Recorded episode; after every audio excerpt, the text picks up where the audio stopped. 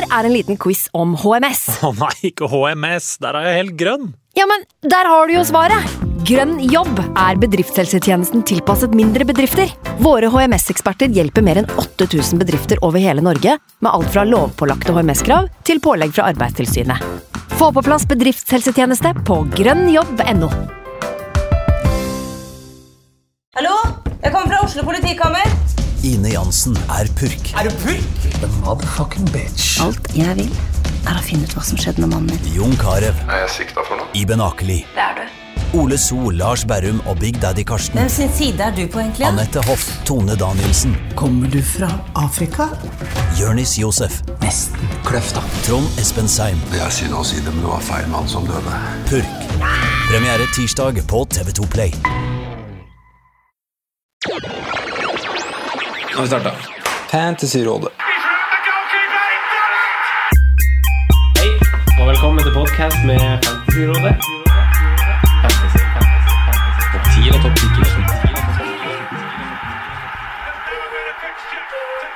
Hei sann, hei sann, og god formiddag. Hjertelig velkommen til en ny episode og ny sesong med Fantasyrådet.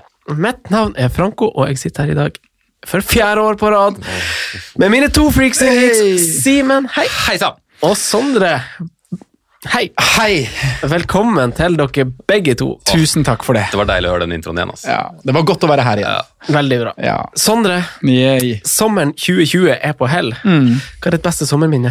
Oi, oi, oi. Eh, rar sommer. Eh, jeg tror nesten jeg må si Anwar Pellegrinos 4-2-skåring mot Rosenborg 2 hjemme forrige mandag. Så trist har det vært for meg. Det har vært eh, sesongstart og veldig lite ferie. Jeg Var det har, da han runda keeperen der? Ja. Ja, det Ja. så fikk, fikk vi meg den skåringen. Ja, det var fint, det. Men eh, nei, det har skjedd lite, altså. Jeg har egentlig bare starta sesongen, vært hjemme, gama Warzone, spist mye digg mat. Da. Det har jeg gjort. Men eh, ikke reist eh, Norge på langs og tvers som alle andre har gjort. Men jeg har jo på en måte opplevd det via Instagram, da. Ja. For de fleste har lagt ut diverse bilder og videoer som man på en måte har følt at man har kunnet ta del i, i, i ferien. Ja, jeg føler jeg har sett blå vann i Loen i år. Ja, ja, ja. Ba, bada, bada i Jeg Lom. bada der selv. Ja. Så ja, det er egentlig min sommer. Mm. Men jeg har blitt go god, bedre. Warzone kommer seg. Ja, kommer seg. KD er. Nei, vi snakker ikke KD ennå. Men det er på stigende, stigende kurve. Det tar litt tid å faktisk bli god i det spillet òg, for det er ganske mange svette der ute som ja, du Det er møter. det. Og det som er litt sånn Det er så dritt å tenke på at de er så unge. Og jeg er snart 30 år, og så spiller jeg mot de er 14. Og de skyter meg hver gang. Ja. No scope. No scope, det er det verste. De som sitter oppi tårnet uh, over flystripa der, de, Ja, der, den er fin. de hater jeg på. Ja. Den er fin, den posisjonen der. Men nok Warzone. Kjør videre, Franco. Se- se, Simen, hvordan har du, hvordan, hva, hva du har gjort i sommer? Ja, jeg- altså Den ene ferieuken jeg og min samboer hadde sammen, da, så, så hadde vi maks altså Den beste temperaturen var 14 grader over skya, så, så det var egentlig veldig bra den Ja. uka der. Eh, i, i, inne på hytta, stort sett. Men uh, nei, nei, jeg har hatt en fin, fin sommer. Jeg har jobba mye, hatt, fikk meg to uker ferie. Det er mye for min del, egentlig. Så um, ja, persa på fluestang. Det, det, det, fin sommer. Ja. Da har du det fint. Fått meg nytt favorittsted, så det, det er fint. Hemsedal. Inne på hytta i en regnværsdag er veldig deilig. Ja, det er faktisk det. I hvert fall når du liksom, for du kommer deg litt bort fra alt eh, Og så var det ikke Det var jo litt Premier League den tida der, for det var jo eh, forrige sesong, faktisk. Ja, ja. Så ja, nei, jeg syns det har vært en, en fin sommer. Og Så har jeg fått liksom muligheten til å kanskje spare litt penger og litt sånne ting da, som man har brukt på dyrere feriemål og, Mm. og et cetera. Så ja, jeg syns det har vært godt, det. Mm. Det har vært godt. Godt med en liten ferie.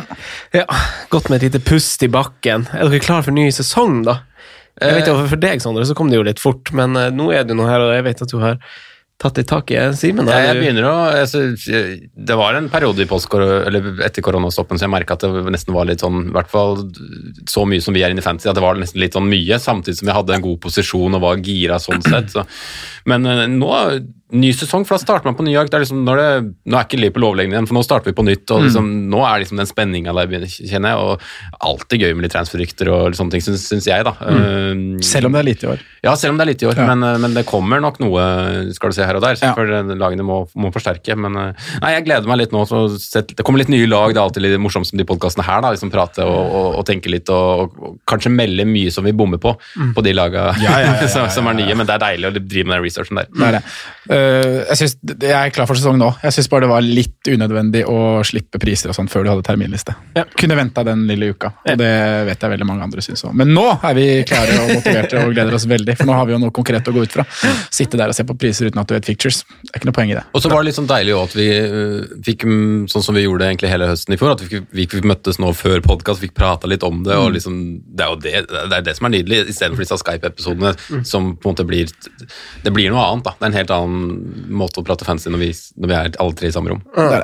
Veldig godt å være tilbake i studio med dere Har du hatt en fin sommer, og, og lage podkast. Jeg har hatt en veldig fin sommer. Eh, Jeg er jo litt sånn, jeg prøver å være litt sånn glasset halvfullt på de her folkene som legger ut alle bildene på internett og sånn, fordi eh, jeg velger å se på det som gode forslag og ideer til meg sjøl å gjøre. Så jeg, litt, Ja, ja. jeg ser jo på det som inspirasjon, eh, fordi så jeg føler jo Twitter blir, hater jo på alle folk som gjør noe Men Twitter spam. hater på alle. Ja, de, Ja. Gjør, de gjør det. Det er- Og det, det er jo de verste folkene som bare driver og hater på ting. Ta og Skjerp dere. La noen folk gjøre det de vil gjøre.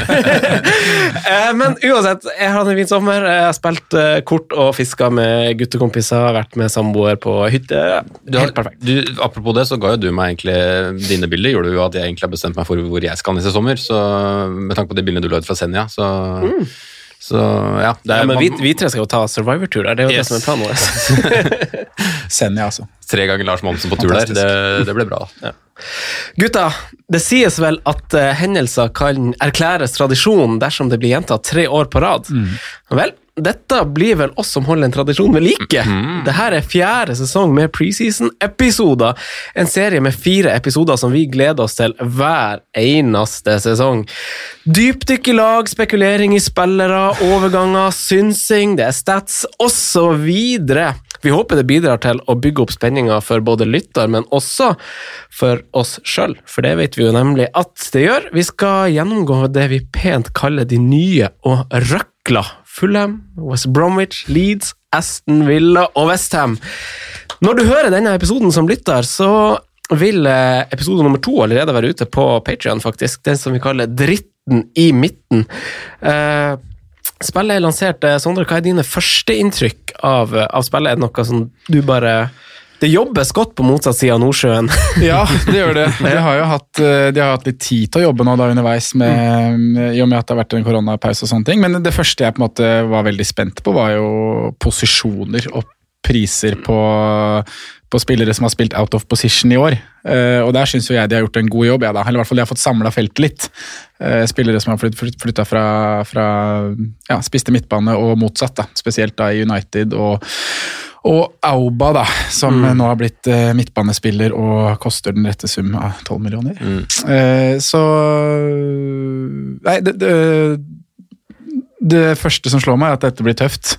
Det blir en, en, en kabal som skal legges, og man må gjøre et regnestykke på hvor mange premier man får plass til. Eh, Midtbanen ser veldig veldig spennende ut. Mange fine alternativer eh, som eh, koster mye. Eh, og så har vi et spisslandskap hvor det kanskje kun egentlig er én som peker seg sånn veldig ut, men han er ny i ligaen, og man vet ikke helt hvordan det kommer til å gå, men han er spennende. Eh, og så er det litt sånn derre ja, så som så i prisklassen under, da, i mine øyne. Så øh, jeg føler jo at det allerede er øh, fasiter har kommet opp øh, her og der, og man er klare på hvem man skal ha, men øh, på, på Twittoratet da, var det jeg sikta til nå. Men øh, jeg tror det kommer til å være en det kan være en, en sesongstart her hvor vi får litt uh, ulike lag og ulike strategier uh, formasjonsmessig, da, og det syns jeg er spennende. Simen, da? Um, jeg er også egentlig litt sånn enig med Sondre at uh, stort sett uh, posisjonene og, og sånn er, er godt gjort. Um, spiller på en måte bra, men jeg savner litt at, som Sondre egentlig er litt inne på, at man ikke har gjort den spissbunken mer interessant. Fordi uh, Aubameyang med å flytte han ned og samtidig øke prisen på, det gjør han faktisk mye mer interessant enn han var i fjor. Mm. for nå får han med seg, det var noen som regna på det også, en 30, kanskje en hvis du tar fjorårssesongen som grunnlag, da får, får han med seg en sånn nesten 30 poeng mer. Mm. men jeg savner Jeg ville sett Mohammed Salah på topp til eh, kanskje samme pris. Det tror jeg hadde gjort spillet enda mer interessant. eh, og flytta han opp, uh, opp der og fått en litt annen dynamikk, da. Eh, med tanke på at Aguero antageligvis, som vi nevnte også i fjor, er liksom på hak- hakket vei ned. Og det er han og Harry Kane som er det dyreste på topp, eller de to liksom store på topp. Jeg ville hatt én til da, i den bunken der som hadde Altså, Det hadde gjort noe med dynamikken i spillet. Kanskje ikke riktig nødvendigvis at han skulle bli dyttet opp på spiss, men det hadde gjort noe mer med den dynamikken her nå, for nå Ja, men det, Vi kommer inn på dette her senere. Men det er liksom de første tankene jeg har med spillet. Og så syns jeg um, veldig mange av forsvarsspillerne er underprisa, Mm. uh, rett og slett. Og så syns jeg veldig mange av keeperne er overprisa. Ja. uh, men ellers Overall er jeg egentlig fornøyd, altså, selv om jeg kritiserer litt på slutt- slutten her. Men jeg er egentlig fornøyd med spillet. Ja, det blir sånn flisespikkeri. Men jeg, også, jeg er egentlig også veldig happy. Jeg syns de har gjort en spennende, gjort, eh, gjort en god jobb. Jeg. Uh, gutta, vi stokker papirene, og så starter vi eh, gjennomgangen. Men først en liten jingle.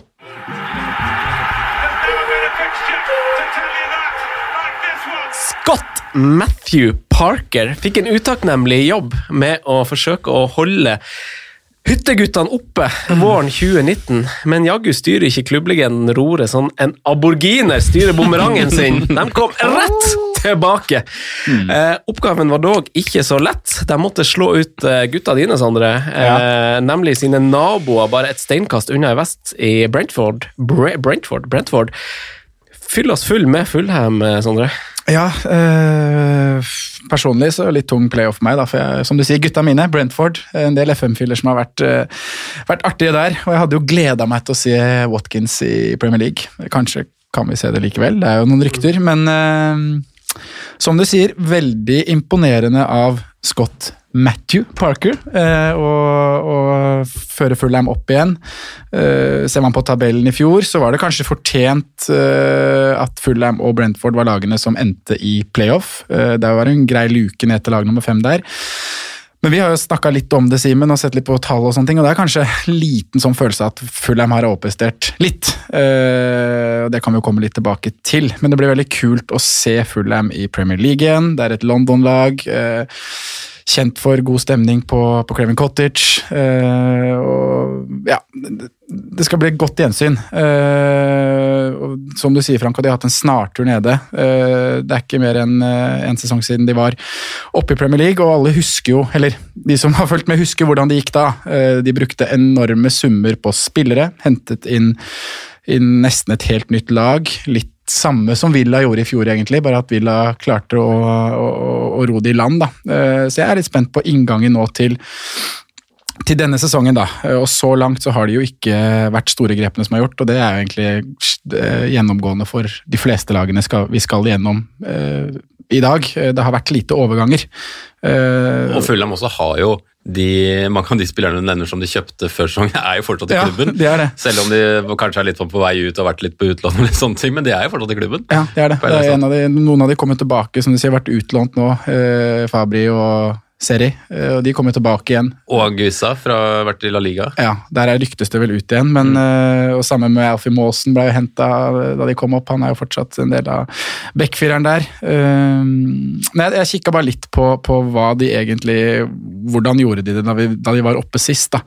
Eh, og var på en måte En ting at de gjorde en del, kanskje en del feil på overgangsmarkedet, signerte eh, for mange nye spillere. Eh, og de hadde jo flere problemer, men et av problemene var jo det de drev med på bortebane. De, de vant én kamp, de, på bortebane da hadde var oppe i Premier League eh, sist sesong. Uh, og det har liksom vært litt sånn gjennomgående også nå i, i championship, at de har ikke vært så veldig bra bort, bortelag. Så de har en del ting de må justere inn på, da. Uh, som, som sagt, spent på inngangen til, til denne sesongen. Eh, Det er noen uker igjen nå, de har fortsatt muligheter til å gjøre noen forsterkninger, men det, basert på det lille jeg har liksom sjekka opp nå, så virker det ikke som de er linka til så altfor mange spillere. Eh, Så det blir spennende, spennende å følge, altså. Eh, Hvis vi ser litt på, på fjoråret, da, litt, litt tall og kort om den sesongen, så endte de som sagt på fjerdeplass. 81 poeng. Det ble jo like mange poeng som Brentford. De hadde seks lag som skåret flere mål, mål enn seg i championship i fjor. Eh, De skåret 64 mål på 46 kamper. Eh, 40 av de målene ble skåret hjemme. Eh, Der var de det tredje beste laget i ligaen. Eh, 15 seire, to uavgjort, seks tap. 22 baklengsmål hjemme, så det er ca. ett i snitt da, eh, baklengs på, på Clement Cottage. Borte, eh, 24 skåringer. Eh, det var ganske langt ned på lista. Mm. Og klart dårligst av de lagene som kommer opp, som vi skal snakke om senere. eh, West Bromwich og Leeds. Eh, Dog slapp de bare inn 22, da. så det var mange jevne kamper når de var på reisefot. eh, Og det ble en sjetteplass totalt på bortetabellen. Så åtte seire av totalt 23 mulige på bortebane. Hele ti uavgjorte kamper. Oi, såpass. Ja, så ikke sånn ja, Sjetteplass er jo en grei, det er jo en grei bortestatistikk, men eh, stort forbedringspotensial. Og da med historikken fra hvordan de var på bortebane sist gang de var oppe i Premier League, så ser jeg for meg at det kan bli ganske tøft. Uh, gjensyn akkurat der. Så, så er det jo liksom Hvis vi skal gå inn på troppen og snakke snakke ledd for ledd her, så er det egentlig bare lyst til å begynne å snakke om Mitrovic. Når jeg sier at laget har skåra 64 mål, så har han skåra 26 av de.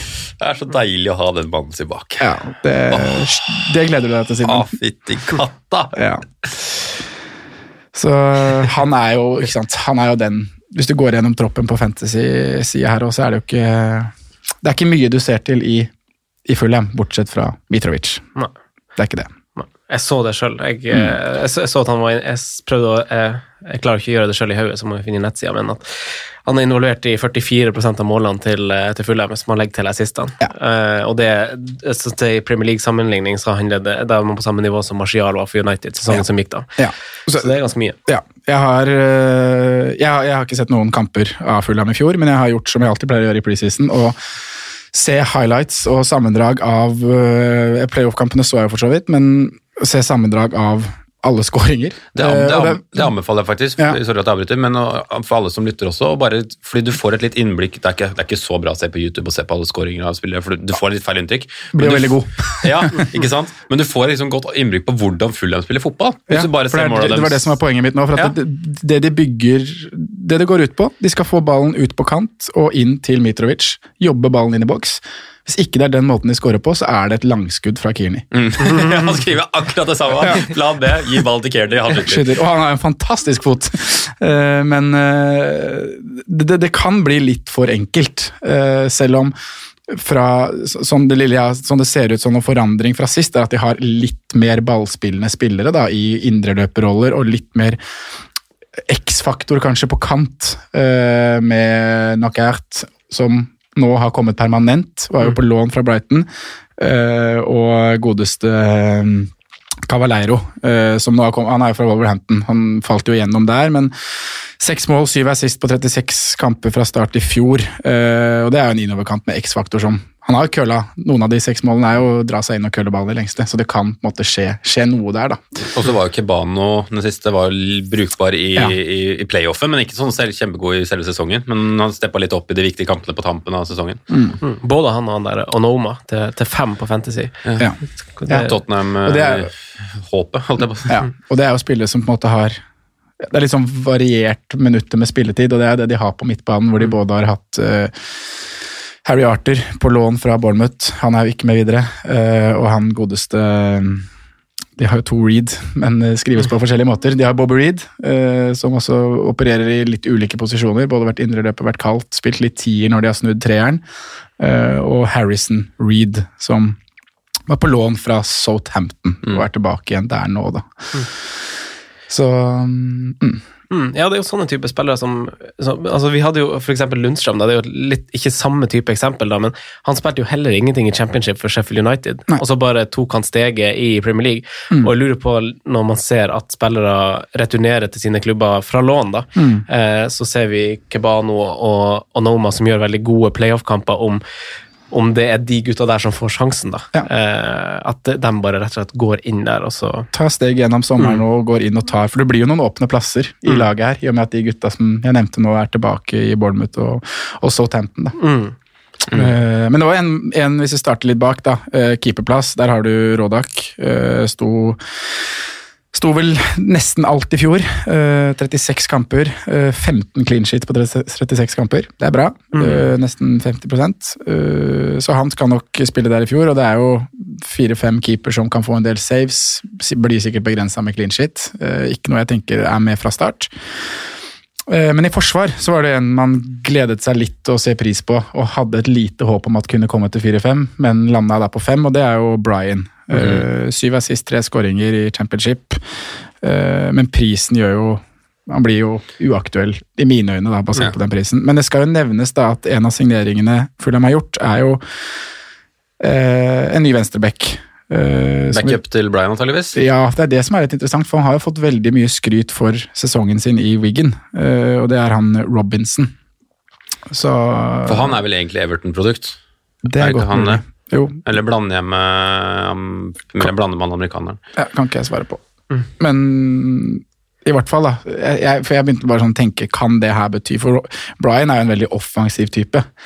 Er det aktuelt for at han kan skyves opp et ledd, og så Robinson inn på bekk? Men det er jo sånne ting man bare må, må følge med på, da. Men eh, Det blir jo spennende å se om de på en måte gjør noen sånne formasjonsendringer, eller liksom øh, tilnærming til fotball. Om de gjør noen endringer der i forhold til at de rykker opp. Det kan jo hende. kan hende. For det er ikke sikkert de har plass til å både ha Nokaut og Cavallero på hver sin kant i, i Premier League, som ikke jobber så mye Defensivt, defensivt. da, Om de heller kanskje skal legge opp en, kanskje en, si en 4-1-1 med, med. Knockout bak Ja. eh, Mitrovic og kanskje litt mer jobbende eh, kanter. da. Ja, de var veldig tro til 4-3-3-formasjonen i fjor. Eh, Den eneste forandringen de gjorde, var vel at de snudde treeren på midten av og til. Så på Who Scored så står det at de hadde 27 matcher hvor de spilte 4-3-3, og 17 matcher hvor de spilte 4-2-3-1, da, og hadde en offensiv, uh, offensiv midtbane isteden. Og da er det Onoma Ja, det som, er, eh, som er den som har spilt i tierrollen der. Og så hadde du Kearney, Stefan, eh, han Ja, det var eh, Reed, Harry Cairn Arthur. og eh, Reed. Harrison Reed, ja, Ja. Som var de to bak. Så Kearney er jo den som på en måte er helt klink i den midtbanen. Mm. eh, og er jo skrudd opp 0,5 fra sist han var oppe, for da var det en veldig populær mann i preseason. Mm. Da kostet han 5-0, men eh, 5-5, så De, de har gjort ett grep sånn fra sist de var oppe fra den troppen som var der, da, Mm. som jeg har lagt merke til, og det er jo godeste Kamara, som var 4,5 spiss når Mm. Ja. sist de var oppe, som faktisk spilte. Så var faktisk noen som hadde han inn i laget sitt. Han har blitt posisjonsbytte ned Mm. til midtbane, fem blank. Både han og Med den 0-5-en så gjør det med egentlig at både han og eh, Brian er uinteressante, syns jeg. Som Sondre var litt inne på. At Ja, jeg, jeg den 0-5-gapet gjør at det blir meningsløst å gå de. Og så er det litt interessant at de har satt Reed på spiss. Bobby Reed, ja. Bobby ja, Reed, Bobby ja. Reed. Mm. Uh, man bruke- husker han jo kanskje som spiss, for han spilte i Cardiff, men han har jo, sånn jeg har forstått det, så har han operert i veldig mange ulike roller i det fulle Det som var litt skuffende, er at han ikke tok spissplassen når Mitrovic var ute, for da var det jo Kamara som stort sett Mm. starta på topp der. Men det er jo litt som du ser, gjengangen der er jo litt at det er jo ikke så mange som er Det er litt rotasjonsutsatte plasser, de, de offensive bak Mitrovic. Ja. Og det er jo veldig som du, du sier òg, jeg prøvde å se på hvem som skåret, altså hvordan de har blitt skåret, og dere nevner jo begge kantspill. Og han Brian er vel, Joe Bryan er vel den, han har hatt seks assist til Mitrovic, Ja. jeg tror jeg. Og det er sånn den største kombinasjonen i hele championship av en, en målgiver til en målskårer. Og så er liksom de andre er fra kantspillerne. Det er fra Cavaleiro mm. Men sånn Sondre sier da, i starten, så er det mye fra, mye fra innlegg, men det er ikke så veldig mange innlegg fra kantene, selv om du nevner at de har en del assist, de også. Det er mye fra bekkene, altså. Ja. Ja, de står, kommer høyt og, og bredt. Ja. Og Veldig- indreløpere som drar igjennom og kombinerer liksom på vei ned mot dørlinja der. Ja, men Det er veldig mange innlegg som egentlig er litt sånn dødfødte. Mm. Som bare Mitrovic har tatt for han er ganske god eh, Mm. og sterk i boksen. da. Så jeg, jeg er spent. Altså, Du kan ikke bare stå og dunke langt inn på Mitrovic i Premier League. Altså, Det blir litt, det kommer til å spist bli opp av de ja, topperne. Du det blir spist opp av det. Jeg syns han, altså han Joe Bryan det, altså, Jeg synes egentlig han er overprisa ved fem år. Jeg syns ikke han har, har levert så masse målpoeng til å få den prisinga med tanke på hvor han er bakover, men igjen så er det litt sånn Du ser det målet han skårer, det frisparket hvor han Raja driter seg ut eh, mot Brentford, så, så er det litt sånn Ok, det er, han skyter inn i målet et frispark, men Poenget bak det er jo at han er, han er jo sikkert en av tre forsvarsspillere som tar frispark der i Premier League, Ja. med, med Luka Dean og Trent. Eh, så Er det bare de to? Altså, Som jeg kom på på stående fot, var det alle mulige Ja. Det er kanskje noen som tar, tar corner inn i det, men jeg tror, jeg David, David Louis. Lewis. David Lewis. Ja, eh, Robertson slår jo noe, da, men uh, kan ikke sammenlignes til den. Men, uh, men Mitrovic han koster jo seks. Ja. Er ikke det her altså, og, Nydelig og, vi, og vi snakker veldig hovedperson i et lag, da. Mm. Eh, det, altså, man får veldig den følelsen man ser på Fulham-troppen der. Ja, det er Mitrovic eller ingenting. Skal, altså, du kan ikke satse på, at, på, satse på Tom Kearney eller noe sånt rør. Uh, Det er Mitrovic eller ingenting. Ja. Kanskje en uh, forsvarsspiller til 4-5, Ja. som hvis du tror at det skal bli finner rotasjon og tror at de skal holde nullen litt hjemme, og sånne ting, da, så, har du, så har du jo uh, Tim Ream som spilte så å si alt i fjor, 4-5. Eh, ved siden av han så Maasen hadde en del kamper, og han Michael Hector kom jo fra Chelsea eh, og spilte godt over 20 kamper der. Men jeg tror det er dem to du, du nevner. Jeg tror ja, det er Hector og Ream.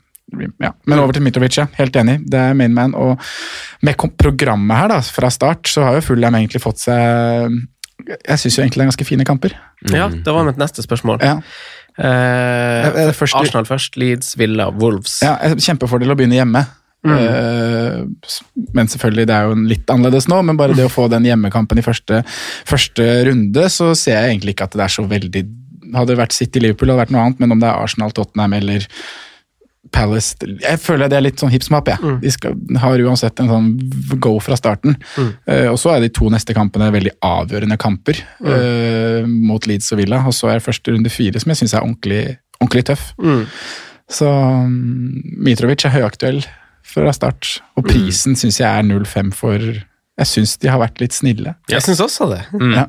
Ja, altså, som jeg skrev, jeg var jo kjapt ut på Twitter når jeg så, så prisen til Mitrovic også, men eh, synes, den er veldig, veldig interessant, og jeg syns det er litt deilig at de gjør det. At de setter han den halve under, sikkert fordi at han pådrar så mye gule kort, og du får liksom Ja, det greiene der. det er jo noe som kontra med det svaret, så jeg. Men eh, nei, jeg syns det er nydelig at de setter den på seks blank, liksom under resten av gjengen på seks og en halv. Jeg digger det. Det var vel noen som skrev, var vel eh, ja, Jeg husker jo ikke akkurat hvem det var, men eh, det er ikke noe fordel for Mitrovic at han skal spille i en liga hvor det er VAR. Nei. Nei, det er det jo absolutt ikke. For han er jo en ikke. og- liten kjeltring. Ja, du kan ikke si noe annet, men um...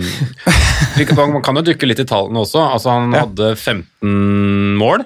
Sist han var, nei, 15 målpoeng sist han var i, i Premier League. Mm. Nå i Championship så hadde han eh, Du sa 26 skåringer. Hadde Mm. vel en 3-4 assist også. Eh, to bare, kanskje. Eh, men da er du på nesten 30 målpoeng i, Championship, eh, pluss at du har også ti mål for, for Serbia denne sesongen her. Så Og tar vel straffa. tar straffer. straffer. Og du sier han hadde 15 mål sist han var oppe, og han hadde også en sesong tidligere før det. Ja, 15 målpoeng, ja. ja. målpoeng. Men hvor han også hadde, da hadde han 14 målpoeng, da. Eh, s- han har jo hatt to sesonger i Premier League tidligere, så han har på en måte levert bra tall alle gangene han har spilt i Premier League. Ja, han kjenner, kjenner systemet. Kjenner, kjenner nivået, kjenner systemet. 3,8 skudd per match i championship i fjor. Og han hadde vel også, Ja, om jeg ikke tar helt feil Det er masse. Det er best i ligaen. Også 25 pluss når Newcastle var nede i Championship. Hadde han ikke det? Det er godt mulig. Det tror jeg. Så han, han har en bra record nå. Er Ikke nå, Målet for han åpenbart er å komme på den 15-målsgrensa i Premier League, Eh, og den tror jeg han når. Eh, vi runder jo av episoden med liksom, et lite sånn spillevalg som vi alltid tar litt sånn, sånn, mm. spontant. Men sånn tidlige inntrykk før vi går videre i programmet eh, eh, så, så vet jeg at Mitrovic er høyaktuell her. Ingen andre fra Fulheim, egentlig. Men er det noe Nei, men jeg har altså, notert én ting så, eh, en ting som jeg har lyst til å nevne, selv om det egentlig ikke er Fulheim akkurat nå. For Sondre nevnte jo at det ikke var så mye rykter inn, men det er én mann som ryktes sterkt inn på Cramer Cottage. Og det er en forsvarsspiller til fem blank som kommer til å spille kanskje framover i banen, og det er Ryan Cézinho. Ja, Ja. tilbake. Mm. Han er plassert som forsvarsspiller i Spurs, fem blank. Eh, Ja, den er spennende. Spilte back og kant sist han var i, var i Fulham. Ikke fått det gjennombruddet sitt i, i Spurs, så det kan bli en høyaktuell mann hvis den eh, overgangen går tilbake der. Altså. Ja. Den er watch på. Og så har jeg watch på de her midtbanegutta som vi nevner, da. Kebano, Og Noma. Onoma. Eh, ja, egentlig bare de to. Kearney er for dyr. Ja. Nei, jeg er helt enig. Jeg er Ja. helt enig. Det som Men hjelper rytterrolle. Veldig spennende navn da, som kan ta, kan ta et nytt steg gjennom sommeren og spille seg inn i en, et Fulham-lag. Skal vi bevege oss videre i eh, programmet vårt?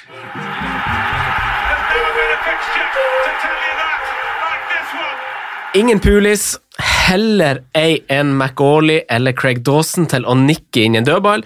Heller ingen Chris Brunt til å slå de lengre. Men man kan stille seg spørsmålet, med slaven Bilic bak spakene, er, er West Bromwich fortsatt det West Bromwich-laget vi husker fra Premier League?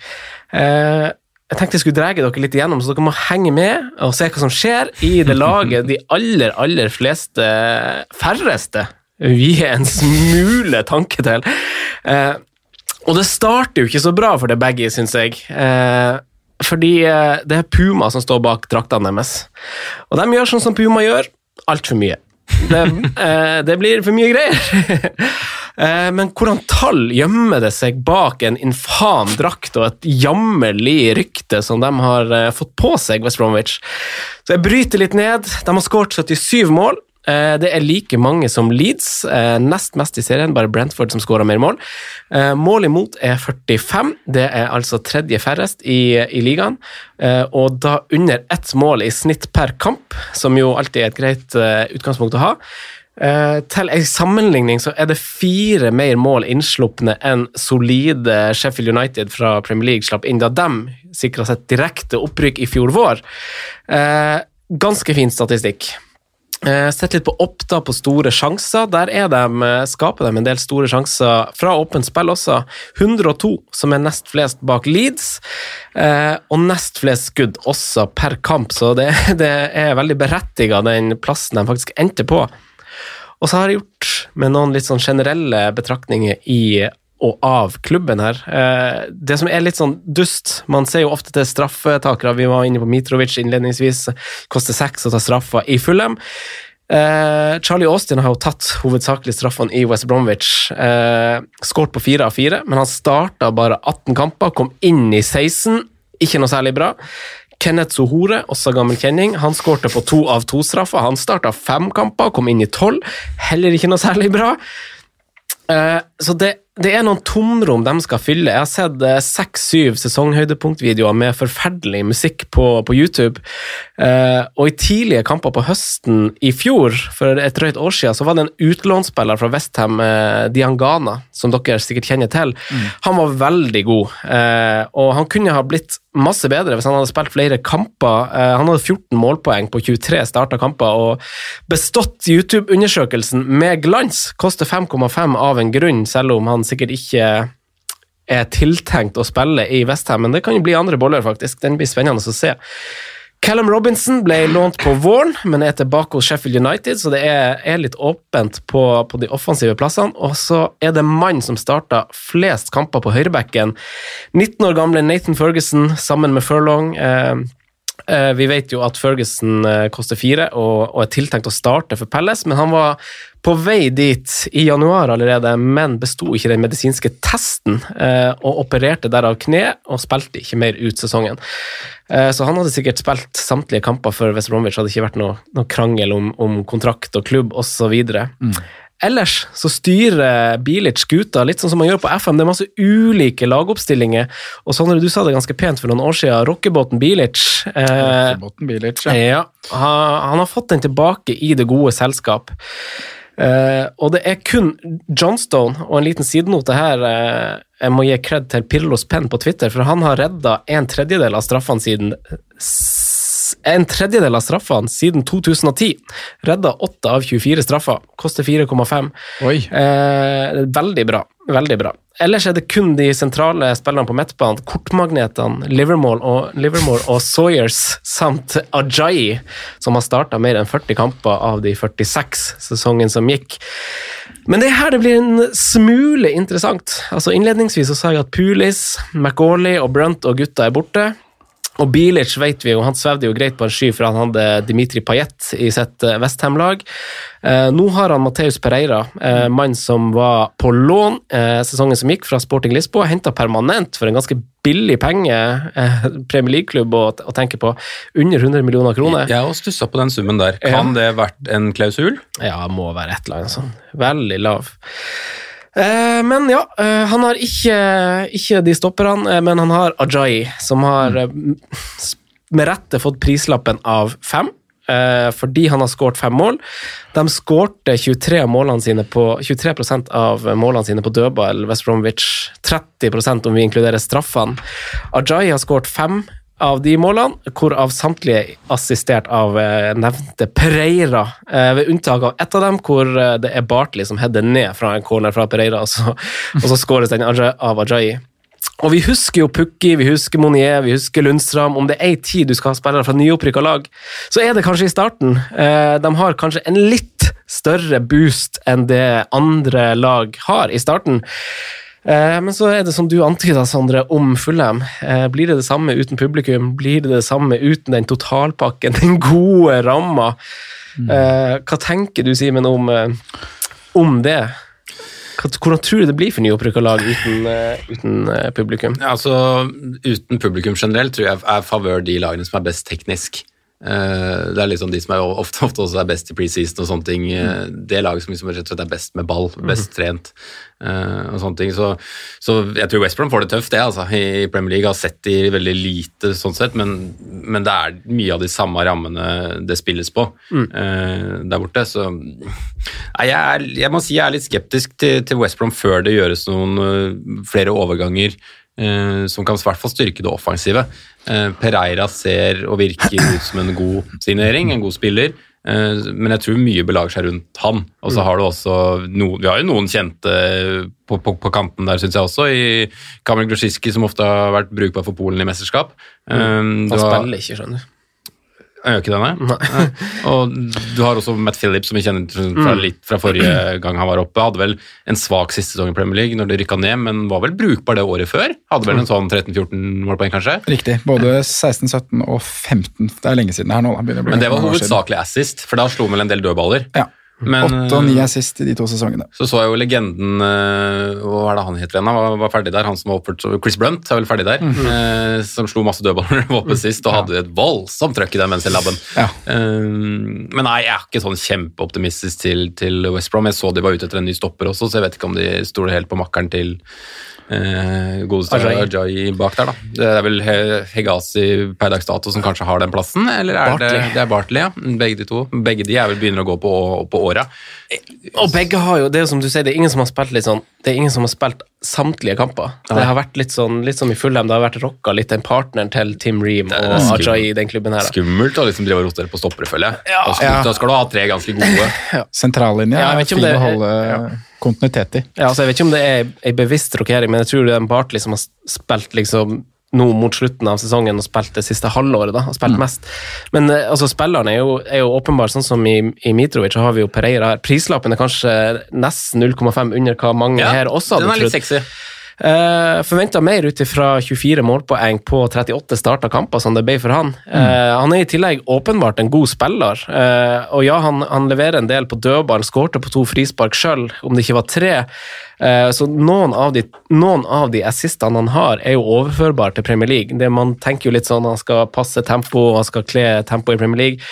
Eh, men så er det noen corner assist, så vi vet han har en god fot. Han har skåret på noen frispark. Det er ikke sikkert at keeperkvaliteten har liksom så mye å si der for frispark. Han har vært god, men ut fra YouTube og dømme som vi vet vi skal ta med ei lita klype salt, så virker han å være en kvalitetsspiller. og flere av hans målgivende, bortsett fra de på dødball, er, er litt sånn, Hvis dere går inn og ser på, på YouTube på assistene han har, så er det litt sånn eh, Firmino-blikket vekk, eh, stikker i bakrommet, sånn veldig sånn Jeg syns han er en elegant type. ja, leken. Og så er det vold. Hvor mange assist var det? Du har det kanskje foran 16. deg? Ja, det er eh, enormt bra tall, altså. og åtte mål. Så, så flere av hans eh, ja, han, er, han har en veldig sånn uegoistisk spillestil.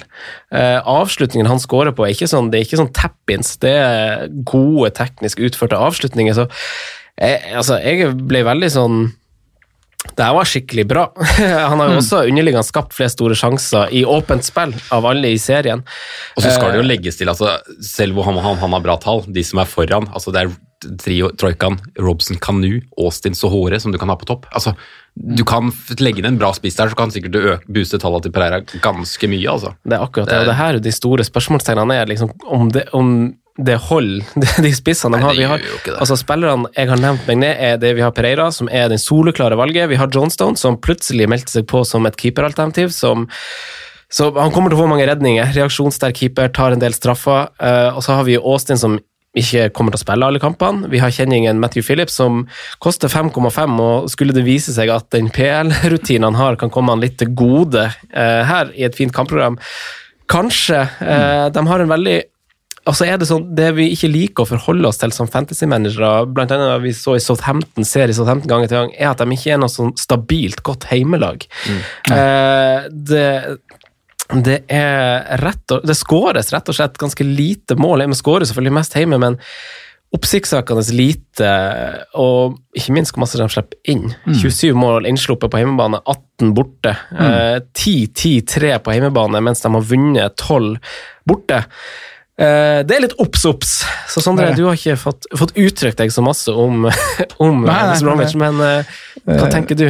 Nei, Det første jeg egentlig tenker når jeg sitter her nå, er at West Bromwich må få seg spiss. eh, basert på de tre navnene som står up front på det laget her. De, Jeg ser veldig for meg at det her kan bli en litt sånn eh, ja, litt sånn Newcastle-greie over det hele. da. At de har, eh, de har noen kreative spillere i midtbanen, og da spesielt Pereira, selvfølgelig, som, eh, som produserer, men eh, mangler han som kan sette ballene i goal. da. Eh, men jeg er veldig spent på å se hvordan Pereira skal ta nivået. Og han er absolutt på watchlist, for jeg syns prisen er kjempefin. Og han, han er jo det vi søker når vi spiller Fantasy Premier League, en tydelig tydelig mainman i et lag. Eh, vi kommer ikke til å være overraska hvis han er involvert i opp mot uh, 30-40% av West Bromwich sine skåringer. Og da er han fort vekk verdi, da. Uh, så, så han er eh, absolutt eh, med på lista her.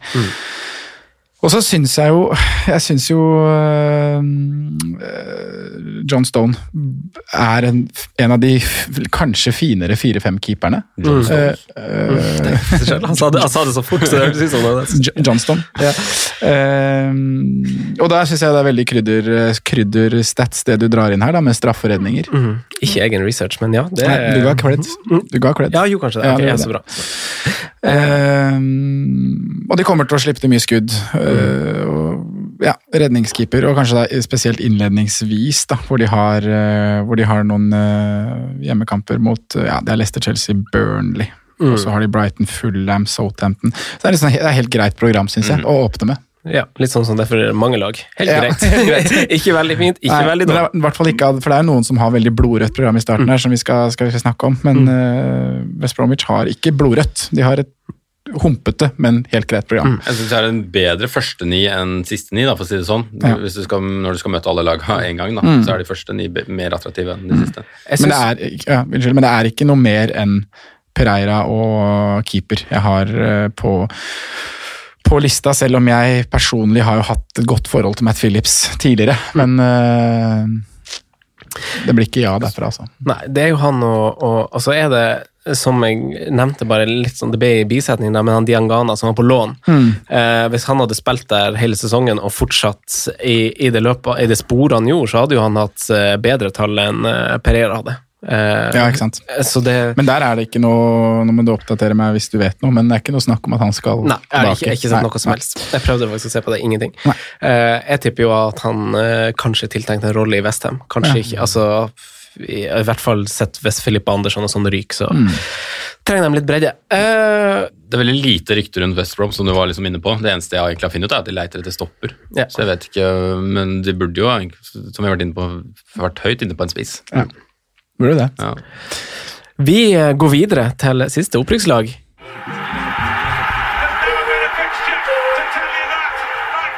Etter nedrykket i 2004 med 21 tap har det vært en lidelse for Leeds-fansen å følge klubben. Og, og alt, altfor mye nesten. Og forrige sesong så, så det jo lysere ut un- enn noen gang under El Loco. Men heller da skulle det ikke lykkes. Under koronapausen så holdt de seg våken bak rattet, og ingen lag kan måle seg med formen som Leeds visste etter gjenåpning. Sikra etter hvert opprykket uten noe særlig store utfordringer, Simen, så, så utdyp oss gjerne litt om Leeds. Ja, Du kan jo starte litt da med godeste Loco, som du, som du nevner. For det er jo en eh, god gammel mann i Marcello Bielsa som på en måte mange har hørt om, lest mye om, eh, og så- et cetera, men kanskje ikke vært i de klubbene som som vi nordmenn følger tettest. Eh, For det er ikke veldig mange som har sett eh, alle klubbene han har trent i ganske mye, da, og har hatt en veldig turbulent eh, karriere, selv om han får veldig store ord av store personligheter som Pep og Porcetino, og, og jeg så det ene intervjuet med, med Andre Herrera, hvor, hvordan han emosjonelt prater om forholdet hans, han hadde med Bielsa. Da. Så, mm, så det er en mann som starta og fikk en stadion oppkalt etter seg i, i hjemklubben, eh, Newells Old Boys. Eh, den heter jo Estadio di Marcel Bielsa, eller et eller annet sånt.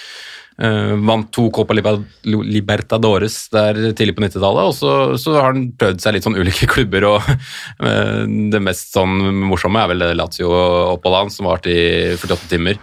Eh, fikk ikke nok støtte. Det var vel 18 mann som dro ut, og det var ikke så mange på veien. Mm. Så, så var det sånn turbulent, og så var det også relativt turbulent i Marseille selv når han var der. Mm. Men han legger mye i de klubbene han er i. Han prøver jo å bygge steder så spillerne kan bo på campus. Utvider dagene fra to-tre timers økter til eh, og- i hvert fall åtte til fire dager, hvor de liksom er på, på campus, trener ekstremt hardt, eh, er veldig opptatt av body shape. Altså mm, for eksempel han derre jeg så den der dokumentaren nå de siste dagene før, før podkast, og han Bekken, som det har vært mye prat om, som ble årets spiller, nå kommer jeg faktisk ikke på navnet i farta, han med, med Eiling. Eiling, ja. han, eh, han så på seg sjøl som en ganske slank type, men det første han fikk beskjed om, var å legge, gå ned fire kilo. Eh, så han er ekstremt opptatt av bodyshape. De veies hver dag. Hver eneste dag på, på, når de kommer på, på jobb, så veies de. Eh, så det skal liksom ikke ligge noe der. Da. Han er ekstremt nøye på research og har nok en, eh, har nok en god, god mening bak det han, han driver med, at de skal kunne orke å løpe mye. Og liksom være i best mulig, mulig shape. Da, fordi han, Spillestilen hans også det er jo derfor han gjør dette her. Den krever mye. De løper mye. Det er, han har vært kjent tidligere for en hva man kalte en 3-3-1-3-ish variant, men det er jo egentlig en skal det en 3-4-3-3-5-2 som han har brukt mest, da. Sånn historisk. Hadde jo litt av hvert med Bilbao, hvor han tok de til Europaliga-finale, vel? Tror jeg. Uh, Tapte mot Falcao og Atletico Madrid. Uh, begynner å bli en del år siden. Men, uansett, også en turbulent type utenfor feltet. Spygate, som vi husker med, med Frank, Frank Lampard. Um, som han tok på en helt nydelig måte med den pressekonferansen. Herregud. Det er, når han sitter og åpner på How to beat uh, Derby og viser hvordan uh, Ja, altså Han spionerte på alle klubber, han hadde gjort det uansett. Det var ikke noe, noe uansett, så det, Den snudde den jo bare til en positiv greie, nesten. ja. Selv om de fikk en bot der, var nære poengtrekk. Men vi skal gå inn på laget, da, så er det, mm, det er et lag hvor målpoeng fordeler seg mye. Det er ikke en klar main mainman. Det, det var det de trodde når de kjøpte Bamford, at han liksom skulle bli den store store målskåreren. Det er for så vidt bra tall på, på Bamford, men han er mye skadeutsatt. Han har slitt med knær og ankler. Um, så jeg liker jo også der at de har plassert prisen på 5-5. Eh, Lagt den enda et hakk under Mitrovic. Så hvis han spiller, så tror jeg liksom uh, han kan være aktuell. Men så prata jeg litt med en kamerat av deg, Franco, i godeste Kroken, som også var gjest her. Og han òg satte jo litt sånn at man har Bør jo på en måte nevne Bamford, men har satt veldig sånn uh, utropstegn foran. Der må du passe deg litt. Ja. Uh, tror kanskje ikke det blir en, blir en suksess da, i, i Leeds. Men, og så er det, det som er liksom interessant med, når vi har prata om Meloka, offensiv, løper mye og alt det der, så er det at de har veldig gode defensive tall i Championship. Det er jo det som er så overraskende. Men det er vel kanskje det at de er, står så høyt så at liksom motstanderen kanskje ikke klarer å kontre på dem da, i like stor grad. Jeg vet ikke, jeg har ikke sett nok. Men 35 mål imot på 46 kamper, det er bra tall. Det er bra. Det Det er er skikkelig bra tall. tall. Uh, og kun 14 mål imot på hjemmebane. Det er jo det som kanskje er det mest interessant for oss, om vi skal finne en rullering på de fire-fem gutta bak der. Eh, s- skal vi få inn, og da er det jo det er jo først og fremst, uh, syns jeg, da Bekken, som vi nevnte, Ailing. Årets spiller i Championship får en del målpoeng. Nå har jeg ikke dette foran meg hvor mange han hadde, men eh, Åtte. Åtte. Eh, litt sånn både og-målpoeng. Det er litt innlegg. Det er litt, for Han er ganske stor og robust. Eh, Han, jeg tror han virker større enn han er, for han var ikke sånn mye mer enn 1,80 på strømpelesten, tror jeg. Oh, ja. Men eh, s- virker som en stor, fysisk robust type som skåret litt på litt dødball og litt krangling og, og litt sånn. Um, og så er det jo det litt interessante, det første jeg la merke til, er jo posisjoneringa på godeste mann Alioski, uh, som står oppført som forsvarsspiller, er jo egentlig en tier. Spi- får nok den for han har vikariert en del på venstre bekk etter litt sånn skadeproblemer. Så får nok den prisen der, Men han er veldig inn og ut av laget, så det er heller ikke noe man kan belage seg på. Han hadde vel ca. like mange starter som han startet, kom inn fra benk. Sånn ca. 20 hver. Ja. Ja, Um, riktig det. Så Ja, og så er det vel godeste Dallas, som det var uh, mye prat om når Wolverhampton rykka opp. Egentlig liksom like mye prat om han nesten som uh, godeste Doc. Så gikk jo han istedenfor å bli med opp, så dro vel han til Leeds da. Det er vel riktig timing, tror jeg. Um, Blander du med Blander med Douglas? Douglas nå. Nå blander jeg med Douglas, nå. Ja. Det stemmer det kanskje. Ja. Um, Men Dallas har jo en god sesong bak seg. Dallas hadde en god sesong, ja. Ja. og Douglas har vært skadeutsatt. Sånn er det vel kanskje. Ja. Eller om det er begge som har vært skadeutsatt. Uh, og så har du De det ryktes jo sterkt til Ben White, som de hadde i fjor, som virker som, ut fra alle som kan Leeds, som jeg har prata med, var usedvanlig god i det Leeds-forsvaret. Og litt sånn sjefen og også god med ball. Eh, hvis de ikke får han, og ikke kjøper noen som ny stopper, så er det vel han som spilte post korona fra eget akademi, Stroik. Jeg vet ikke, Pascal Stroik.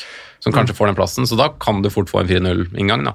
Men jeg tipper jo de kjøper en stopper, selv om de ikke får tak i, får tak i godeste Ben White. Det er vel det de største ryktene går på rundt Leeds, i Det hvert fall. er, det er tre, altså alle ryktene til, til Leeds, så det er tre posisjoner, da, hvis du tar bort uh, egentlig Fredrik Aursnes, som har vært rykte da, og det er, eh, det er en spiss, det er en ny kant, og så er det en stopper. Mm. og- og det er mange spennende navn som jeg har sett har vært linka til Leeds egentlig den, den sommeren her, og kanskje den aller mest spennende er vel uh, vennen fra, fra Brentford som skårte veldig mange i fjor, Ben Rama, som Ja. lytter sterkt til Ellen Road. Uh, og også Emi Bundia har jeg sett har vært linka til Det tror jeg er en type som passer Oh, eh, passer veldig godt inn der, altså. Så, men det som, det, det som er sånn negativt da, med, med Leeds eh, for vi har, Tallene er åpenbart veldig gode fra Championship, og jeg tror det også det er det laget som kommer til å gjøre det best i Premier League. av den nye opprykka. Jeg, tror, jeg ganske, føler meg liksom ganske trygg på at egentlig Leeds holder seg. Um, det er at liksom målpoengene fordeler seg så mye. Du, har ikke, du har veldig mange av de som ligger på en sånn 60-10-11 målpoeng eh, totalt. Det, også litt sånn spillestilsmessig, da, skal, skal eh, godeste Eloko gå litt i den Farke-fella, med at du skal bli litt nonsjalant. du skal fortsatt, uansett hva som skjer, så skal du være offensiv og kling gæren, liksom. Det, ja, jeg tipper de får grisehjuling i runde én, og så um, etablere seg litt, seg litt utover. Ja, Det er det som er haka med Leeds, da. men også kan være en grei ting, for da kan man få sett litt lag og roller og sånne ting. Men de har jo et veldig tøft program fra start her. Eh, Det er egentlig bare runde to hvor de har full M hjemme, som er grei, men de møter Liverpool, City, Wolverhampton og Sheffield United i de fire andre matchene. Så starten er beinhard, eh, og gjør derfor i mine øyne ikke aktuelt heller å ha med en av de fire-fem forsvarerne. Nei, men det er litt sånn, hvis du bare tenker på liksom Leeds som selve prosjektet, og kanskje liksom tenker sånn langsiktig, så er det litt sånn bare kom deg gjennom de fire første, og så starter vi sesongen derfra. Ja, det er jo litt det. Ja, så, sånn jeg så, så litt på det, så er det jo sånn at de kommer til å få litt jul, eller de kommer i hvert fall til å slippe inn en del mål i starten. Ja. uh, og, og da tenker jeg at uh, da kommer kanskje de her populære spillerne altså jeg hadde, Før kampprogrammet kom, så hadde jeg altså Luke Eiling og, og, og Dallas, begge like mange målpoeng. Eiling har starta ni færre kamper, tror jeg, eh, så man kan jo spørre seg hvor han hadde vært på målstatistikk hvis han har spilt like mye som Dallas og Joe Bryan, for den saks skyld. Eh, men eh, da var jeg litt sånn at jeg hadde en av dem pga. prisen. Åpenbart offensive backer. Eh, og Ja, før programmet kom. før programmet kom, ja. Men nå ser jeg jo for meg at de fortsatt kommer til å være litt poppis blant ganske mange, og at de heller kanskje kommer til å synke litt i verdi, fordi Mm. Folk kommer til å, for de kommer til å slippe inn mål, og folk kommer til å bytte dem ut fordi det er noen andre fire-fem forsvarere som leverer parallelt. da. Mm. Uh, og det som, litt, det som er litt artig med han Bielsa, han, han har gjort denne sesongen her, han avslører jo laget på pressekonferansen på fredag. Så deilig. Men det du nevner der er jo fint, det liker jeg jo tanken av, at de kan synke litt i pris etter de fire første rundene, og så kommer en rekke hvor de møter Villa, Palace, Everton, Westham, Newcastle da, i løpet av de seks-syv neste, hvor man kanskje da det er da man egentlig bør hoppe på de, da. Og da, og, og da prater man jo veldig litt sånn, sånn som vi kommer til å prate om senere, men tidlig wildcard, snu om, rokere, og så ja, komme seg på. tidlig på noe som egentlig ikke har sett så bra ut, men man, man spår at det kan bli bedre da når kampprogrammet løsner. Ja, altså, det jeg, altså liker jeg veldig godt Jeg glemte faktisk å nevne det, men han eh, Robin Koch er ganske nærme å signere eh, fra, fra Tyskland. Eh, så jeg vet ikke om det er fordi de har slått fra seg White, eller om de skal ha to stopper inn. da. Men eh, han er visst veldig nære. Og, og rent det offensive, så, så, så jeg, jeg hørte på en av våre forrige preseason-episoder, og da, da var, var jeg veldig sånn å forkynne at man må kjøpe altså som opprykka lag så må du kjøpe en spiss med en X-faktor. Okay. Og, og jeg begrunna at jeg hadde veldig tro på Wesley, da. i Villa. Eh, Men jeg tror på en måte at han Bamford er litt av det motsatte. Litt sånn Simen antyder, at han kommer til å falle litt imellom. At eh, han, han er verken veldig sterk i kroppen, han er ikke veldig rask, ikke veldig sånn teknisk utprega spiller. Han har fått flest straffer seg. Jeg tror også han har flest skudd i, i treverket. Leeds har 25 skudd eller avslutning i treverket sesongen som gikk, vanvittig masse. Eh, men samtidig så, så har Leeds skåra ganske lite mål til å være et serievinnende lag. Eh, de har skåret 77 mål totalt. Norwich på sin side, de rykka opp eh, sesongen før 93. Wolverhampton sesongen før det 84. Ja. så, så de bommer på masse store sjanser, Leeds. Det er først og fremst der problemet ligger. For de, det er ikke det at de ikke kommer til de sjansene. Eh, Nei, Bam- Bamford. Bamford som Mitrovic eh, er vel kanskje nummer to bak Mitrovic på flest skudd per kamp. Han er på 2,8. Eh, så det er han og han der Ben Ben Re Hva heter han i Ben Rahama. Ben Rahama, takk. takk, takk. Han er klasse. Han er klasse. Han er klasse. Men det er jo spennende at han linkes dit, da. Jeg synes Ja, det syns jeg det er spennende. Ja, det- Offensiv Brentford skulle Ja, gap, altså. det- Det en, en av de tre Ja. der må vi få se i Premier League. Ja, vi må det. Litt synd for dem at de kommer til å miste enten Watkins eller Bea Rama på Ja. Eh, Men det, de har fått lånt Harrison, da. Tredje sesong fra City på rad. Mm, Eh, Skaper flere store sjanser, men starter jo 45 Han spilte i alle kampene i championship-sesongen som gikk. Eh, Hernandez starta 27, en del Ja. inn sånn i pausen på tampen. Og, For det er jo mannen som faktisk har flest målpoeng totalt. ja, så tenk hvis du hadde 9 pluss 9. ja, så tenk Men om du han er jo så gammel nå. At, Ja, han er, blir vel eh, 36 i løpet av året, tror Ja, det blir jo, må jo gå med rullator snart. Ja. Men, eh, men han El Mago han er jo, har jo ei høy stjerne der, og Leeds-folk, både han jeg intervju- intervjua på Patrion og Magnus, sier jo at han starter jo så lenge han er fit, men man mistenker, jo- ja, men man mistenker jo litt problemer med kroppen siden han hadde litt begrensa minutter, for det, ikke, det skal ikke stå på kvalitet når, når, han- når han er benka. Det er åpenbart Nei, han som er stjerna også, når du ser på den serien. At det er, liksom, er han som er eh, Hva skal du si eh, Den teknisk mest begava spilleren inn på det laget der, da. Ja. Så, men er, jeg synes jo, jeg har sett og lest mye om Harrison, men jeg syns jo målpoeng, eller liksom tallene isolert sett er ganske dårlige. da. Det er målpoeng hvert 270. minutt. eh, hvert tredje match. Jeg tror han kan være litt frisk å se på, Ja. så det blir litt sånn, og han Klikk tar jo straffer. han har også nesten spilt alle kampene. Ja, Bamford har tatt noen straffer. Jeg har han det? Ja. Jeg vet at han klikker i hvert fall pri én, er han ikke det? Jo, det kan stemme. Det mener jeg vi ikke fikk svar på på Patron. Jeg spurte om det. Skal, Men bare fortsette derfra. Nei, så den er interessant, og så er det jo heimeformen som er god, og det er jo sånn veldig sånn fine holdepunkt, synes jeg, eh, når du skal velge rotasjonsspillere, spesielt at det er et lag som eh, er utpreget godt på heimebane. Ja. Pablo var førstevalg når han spilte. På straffa? Mm. Mens eh, Klikk tok de da fleste i fjor. Ja. Men jeg mener jeg så straff Men det var jo for, for sesongen før, da. Men at Bamford har tatt noen straffer. Men da Ja.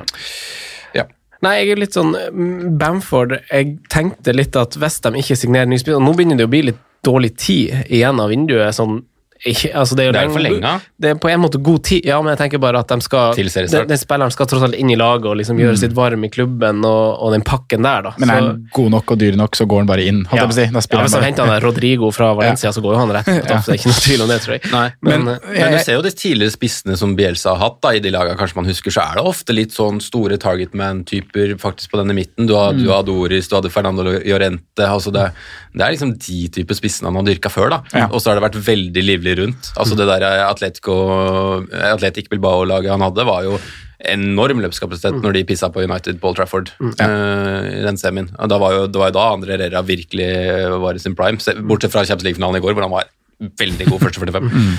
Men, jeg, men ja, bare sånn for å jeg, Bamford, da. Jeg skjønte at du var litt, litt interessert. fordi Eh, han koster 5-5. Ikke sant? Og jeg det er det- jeg- er er man skal, jeg er helt enig med deg at man skal være litt forsiktig med det, men samtidig så hadde han 43 kamper fra start i, i fjor. og Det var såpass mange, det, ja. ja. Han var ikke noe, det var ikke noe skader i fjor, og Det var, var det veldig året før den.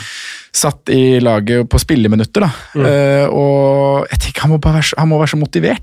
Men hvis du ser liksom karrieren hans, vært rundt i Norwich, vært i Burnley, vært i Palace, aldri fått det Var vi til. innom Pal- Palace? Ja, du sa det. Ja, uh, Middlesbrough og Derby, det er mange klubber. Dæsken, nå ta det bare ram sterkt.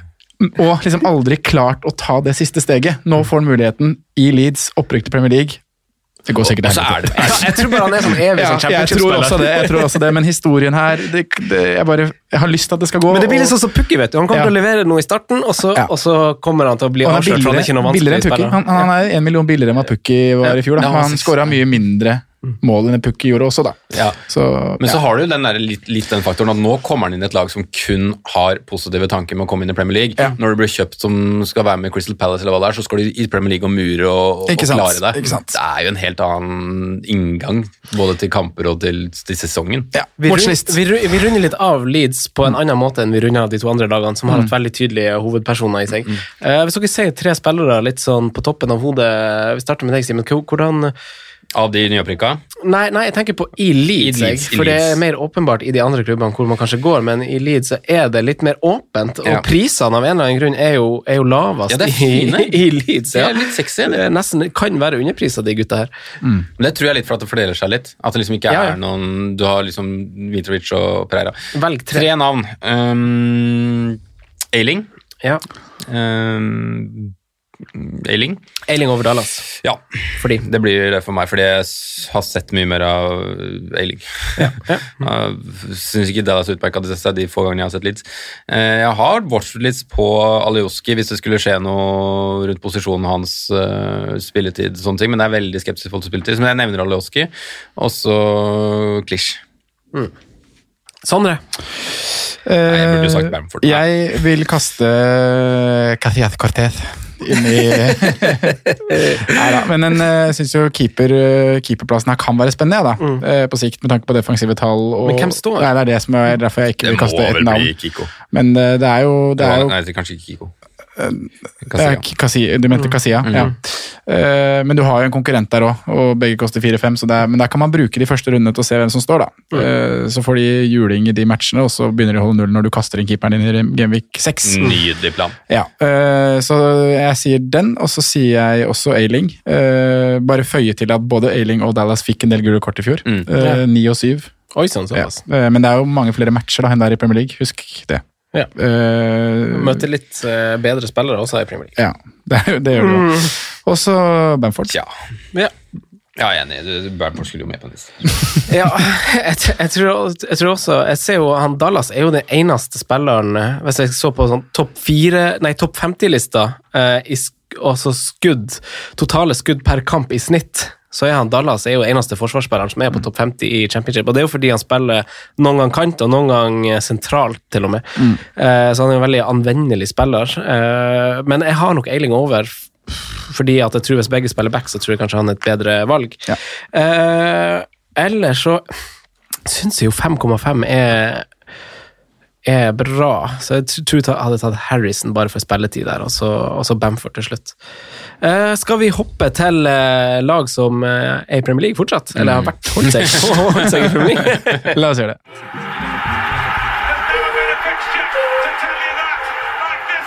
Man er sin egen lykkes med, men jeg vet ikke helt. Kan Villa kanskje takke Hawkeye for sin fornyelse av Premier League-kontrakt, Simen? Ja, det kan jo det. Det er jo utvilsomt det. og Jeg vet ikke om vi diskuterte litt i stad, men det har vel ikke kommet noe lenger vei med den der eh, protesten som, eh, som de skulle, skulle bli lagt inn der. Men eh, ja, de mm, fikk jo voldsomt mye ros da, for den eh, etter koronahendelsen hvor de dro med seg hele ni poeng og ble nummer 16 på koronatabellen. Det som, Men de var, Ja, de var, de var bedre enn resultatene Ja, tilsa, var ikke det litt Jo, greia? og de gjorde de jobben. mer? murte igjen bakover, det var det de ikke hadde gjort før. ja, men så gjorde de jobben mot de laga de måtte slå. Ja. Ja. Det er jo det som er det vesentlige her, som var forskjell fra Norwich, da, som ikke gjorde jobben mot noen. Men det er jo altså, Vi prater om Mainman, det var jo et voldsomt one man team, eller one man show da, Ja. i det Villa-laget til tider. Kanskje bortsett fra dine siste kampene de nevnte post-korona, da, hvor Forsvaret steppa litt opp, og, og PP Reina sang litt fine sanger når de klarte seg. Og, ja. Nei, det, det er, Pepe Reina, Lazio. han er jo her borte, ja. Toårskontakt til Lazio. Å, fy fader. Er fantastisk. Jeg, yes. jeg syns det Villa-laget er grått, ja. For selv om de har brukt utallige med penger, så syns jeg det er ganske grått framover. Og det er liksom det er, det er Grealish som er veldig, veldig kul. Um, kul spiller, og så har du liksom løpsmaskinen i, i McGinn, og så en godeste 3CG som steppa på, på tampen. Uh, spissen er jo dessverre skada, som var den X-faktoren du, du nevnte i, i fjor. Så Nei, jeg syns det er et grisekjedelig lag, jeg, ass, Aston Villa. Ja, Jeg ja, må lov å si det. det må være helt, eh, helt lov å si det, altså. Det er ikke Det er én mann det snakkes om, da. Og så litt Man sånn skrudde opp seks, seks- skrudde opp seks millioner igjen. Ikke man skrudde opp fra seks millioner, kosta han seks i fjor. Ja, seks tror jeg faktisk han kosta Jack Ja. Grealish, for han spilte jo litt mer defensivt i championship Ja. enn eh, det han gjorde i eh, Eller utgangsposisjon, i hvert fall. Han spilte jo nesten alle posisjoner eller liksom alle posisjoner han kan bekle den sesongen. her da, Med at han både spilte liksom dypt på midten et par kamper, og så fikk han en frirolle ute til venstre, og så fikk han en Ja. tieren, og så, så litt sånn. Eh, Så han har jo fått et, et prishopp på, på en million som er ganske fortjent, eh, ut fra hva han leverte. Og så har de jo, hvis man ser sånn sesongen totalt sett i fjor, så var det jo en De var bedre hjemme enn borte, uh, Ja. som et nyopprykka lag skal være, som egentlig alle lag skal være for så vidt, men hvis du ser også ved sammenligning, så er det nummer 14 på hjemmetabellen, som er greit. Ja, det, er- det er bra. Skjer greit. Med tanke på at du er- havner på sju, 17.-plass. ja, sju seire, tre, eh, ni tap. Eh, Taper litt flere. Uh, slipper jo liksom inn cirka det samme som de rundt seg, alt jeg på å si, på hjemmebane, bortsett fra Palace, som faktisk har dårligere poeng, eller ett poeng mindre, men faktisk slippe inn ti mindre på hjemmebane. Så, så det sier litt kanskje om spillestil, da. Uh, Skårer jo ikke så mye mål, da. Det er det som er litt kjedelig med Aston Villa. Det er liksom det er 22 mål på 19 hjemmekamper. Det, er, eh, det er grått, altså. Og kun uh, skåret 19 borte, så det er jo der hovedproblemet ligger. Og jeg vet ikke om hvor mye skaden på Wesley har å si i forhold til det, men jeg, jeg føler det er noe mer. Jeg føler det er de spillere bak. altså Du må produsere mer. Det er bekker som på, plant, på papiret som kanskje skal skape en del, men som kanskje ikke gjør det. Altså, det, ja, det er et um, arbeidslag som um, Kanskje John Terry må først få skikk på det forsvaret bak der, som assistent, og så må de få litt krydder offensivt. da. Ja, og det så man jo litt da, avslutningsvis. Litt bedre skikk på Forsvaret. Så hvis de klarer å ta med seg noe av den Jeg tror kanskje de må ha litt mer den inngangen de hadde avslutningsvis. eh, at de skal starte opp igjen der nå, og det er på en måte det de skal gjøre neste sesong. Eh, for de hadde fire clean sheets på hjemmebane i fjor, uh, og det er jo ikke, det er ikke bra. Hvis du tenker at Har du hvor mange de hadde etter korona på, på framme? For det var vel en to, var det ikke? da? Uh, Sjef- Halvparten. Fyll hjemme var vel 0-0? Nei, de hadde, de, de hadde clean sheet hjemme mot Palace og Arsenal. Før korona eller etter Ok, korona? men, men fortsett, for de fortjener jo på sett, på sett og vis litt eh, Altså, Hadde de omgjort prestasjonene sine om til poeng litt tidligere, så hadde man kanskje haussa dem mer opp. Eh, for Ja. nå berga de akkurat plassen, men det var mye snakk om etter intervjuer med Grealish sånn at vi kunne ha fått mye mer ut av den kampen her hvis, hvis resultatet hadde speila prestasjonen vår, da. Ja. Og da handler det om, som du sier, snør igjen bak, men gjør det det aktuelt når de nå tilbyr 4,5-forsvarere? Target og gutta? det det er litt det det gjør, da. Så jeg har sett at det er en del som har lagt ut litt eh, at Villa kan være en Villa-forsvarer til 4-5 kan være en del av et rotasjonssystem, og du kan spille de billigforsvarerne hjemme. Mm. og Det var derfor jeg skulle dra fram det med hvor mange clean sheets de egentlig hadde på hjemmebane i, i fjor. Det, det var kanskje litt mer enn jeg sa vel at det var fire eller noe sånt nå, men de hadde også noen uavgjortkamper mot, mot Westham der ganske tidlig, og også den mot uh, Sheffield United, som du nevnte, Simen. Og det var tre clean sheets på hjemmebane etter korona, da, hvor de hadde 0-0 mot Sheffield United, og så var det de to siste kampene hvor de slo Arsenal og slo Palace. Eh, så ja, det kan være mer aktuelt hvis de opprettholder det de viste avslutningsvis. Eh, og det bør de også være motivert til å gjøre. For det Ja. man så midtveis fra Villa uh, Vi dømte de jo rett ned når vi satt og hadde preseason-episoder part to. i- Ja, vi gjorde kanskje det? jeg tror i hvert fall jeg sa det, at Ja, det her ja. kommer ikke til å gå. Ja, samme, Eh, sa Forsvaret det ser ut som fisk på land, liksom. Det, det spreller rundt og det renner igjennom. Eh, For jeg mener jeg egentlig var ganske positiv til Villa. jeg. Ja. ja, men uh, kan bli aktuelt med forsvarere. Ja, for jeg håper jo nå at de Target. ikke går, går, går helt av skaftet i transfervinduet. da. At de, for det for, for, for greia i fjor var jo at de hadde jo, de hadde jo vel fem eller seks spillere som var utlånsspillere i opprykkssesongen, så det måtte jo erstattes. De måtte jo kjøpe spillere, og så nå har de jo nå har de kanskje forhåpentligvis satt en stamme. da. Ja. At de ikke, altså Nå har de jo jobba inn et lag Nå er det gode signeringer når de først Eller nå skal Ja, de først altså- kjøpe litt bra. Da, Ja, først skal kjøpe. altså Isolert sett så var jo spillerne de kjøpte i fjorårets vindu, folk hadde jo trua på det, hvis det liksom, men når de kjøper 13 og ikke bare fire spillere, så, så blir det litt sånn, og prestasjonene er dårlige, så er man jo fort avskrives det jo litt, da, men det er et par av de spillene der som holder nivået, tror jeg. Ja, men det vi glemmer litt da med Aston Villa, er jo at det er en gi- gigasvær klubb da, i, i, i sammenheng her. Altså, det er, hvis du ser på, liksom, på spillere isolert sett, så er det ganske mye større å gå til Aston Villa enn å gå til Brighton og den sulamitten Ja, liksom. Da. Uh, selv om Brighton på en måte er et spennende prosjekt, så er jo Aston Villa en mye større klubb. Mm. Altså, det er jo Englands nest største by, og, og er jo egentlig skipet der og har vel en eh, historisk en fire-fem ligatitler også, tror jeg. Så Mm. um, ja, altså, ryktene inn også, det er jo for så vidt store navn. Uh, så- som man blir overrasket over. Så nei em, Men jeg starter med blank, da. Og så er det jo to, to fine kamper, egentlig, etter det. Eh, gjør det det Altså, den blank-runden for ADS, altså, så blir jo det mest sannsynlig Den blir jo mest sannsynlig ikke tilknytta gameweekend. Den kommer til å bli flytta ganske langt over jul, til og med. ja, fordi det allerede er så tett, Ja. og de pausene som er der, er brukt opp av landslag, eller? Uh, det er ikke så Det er vel én landslagspause færre, tror jeg. Men ja, uansett, det, det, er, så, det er såpass tett at Det er bra du nevner, fordi jeg tror kanskje folk tenker at den kommer tidlig. Ja, nei, nei, den gjør ikke det.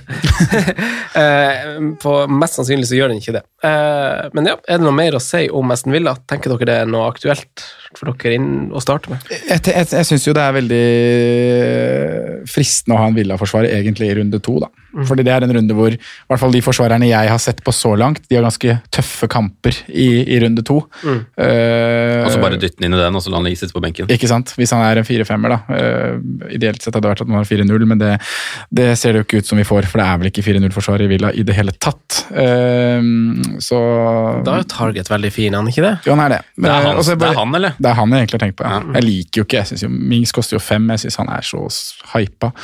Eh, Gilbert Vi Han er starter, vi starter vel ikke med han igjen, Nei, vi gjør ikke ikke det, altså. Det var kjapt innpå der i fjor, men Ja. Og i neste episode skal vi snakke, snakke litt om grunnleggende strategi. Jeg vet Ja, det at vi har, har noe til det. Men en ting jeg bare har lyst til å føye til med, med, med Villa da, og sesongen i fjor, var jo at de starta vel egentlig ganske greit. Eh, og så kom det en veldig tøff periode, og det kan kanskje ses litt i sammenheng med skaden til McGinn, som mm, ja. kom tilbake igjen etter korona. Eh, og at han er, han er en viktig spiller. da. Han gjør en, en jobb som kanskje er litt usynlig. Han og Han ble, han ble jo ikke usynlig heller, for han skårte jo mye mål eh, også. Det var, jeg bare venta på replikken til han Simen. Han er motoren i det laget. ja.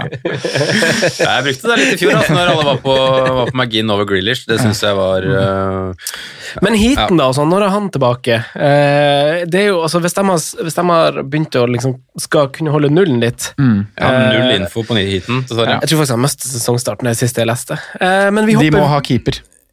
Villa må ha keeper. Ja, det blir ikke Ørjan. Nei.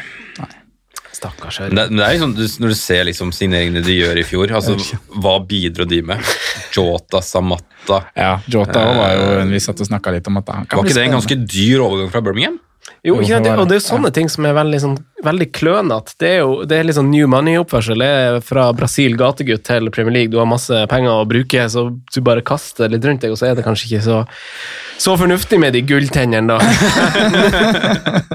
Ja, de, jeg føler de, de kanta er i akkurat samme sjiktet. Det er hakket under å være gode nok for Premier League. Ja. Det er, Skulle vært, vært en liga imellom. Ja. Vi Ferdig. hopper videre. Ja.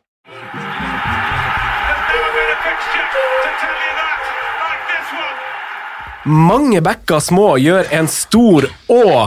Westham hadde på et tidspunkt ikke veldig gode odds, eh, men eh, tok til mot David Moyes og benka det jeg vel å kalle småkonger i, i det laget. Stabla et flott kollektiv og redda plassen på tross av et særdeles tøft kampprogram.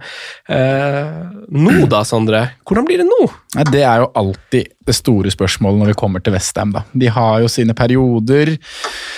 Ehm, en klubb som eh, jeg føler egentlig bare har vært mer eller mindre kaos eh, etter de flytta til ny stadion. Eh, og jeg skal ikke gå i dybden og snakke om klubben og klubbdrift og eierskap og sånne ting, men det, det virker som det er kaos der. Uh, og det er litt sånn her, hva er det de gjør på trenersida, da? Moise ut, Moise inn. Uh, nå funka det nå, da. Eh, som du sier, han gjorde noen veldig gode grep avslutningsvis. Eh, og redda plassen. Eh, og det så ikke lyst ut.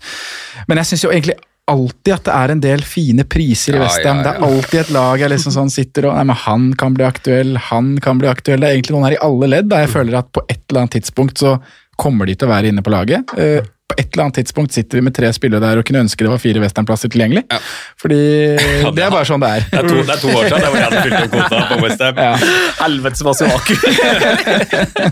Han, han ble fader ikke kvitt, han. Ja, men uh, nå er det kanskje ikke så farlig fra start, da, for hvis du trykker inn på fictures og ser på den rekka Westham har fra kamp 2 til kamp 7, så møter vi Arsenal, Wolverhampton, Leicester, Tottenham, Manchester City og Liverpool.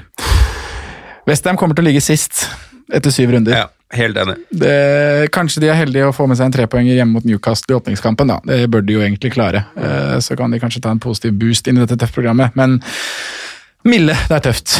Eh, og ja, hvis vi ser liksom litt på tall fra fjoråret, da, så er det jo det er ikke så veldig hyggelig lesning for Westham United sin del. Eh, det har vel jeg egentlig sagt litt over flere år, at jeg har følt at Westham egentlig har vært et ganske dårlig lag på hjemmebane. eh, Og at jeg egentlig har hatt mer lyst til å ha spillere der eh, på, når de spiller borte. da.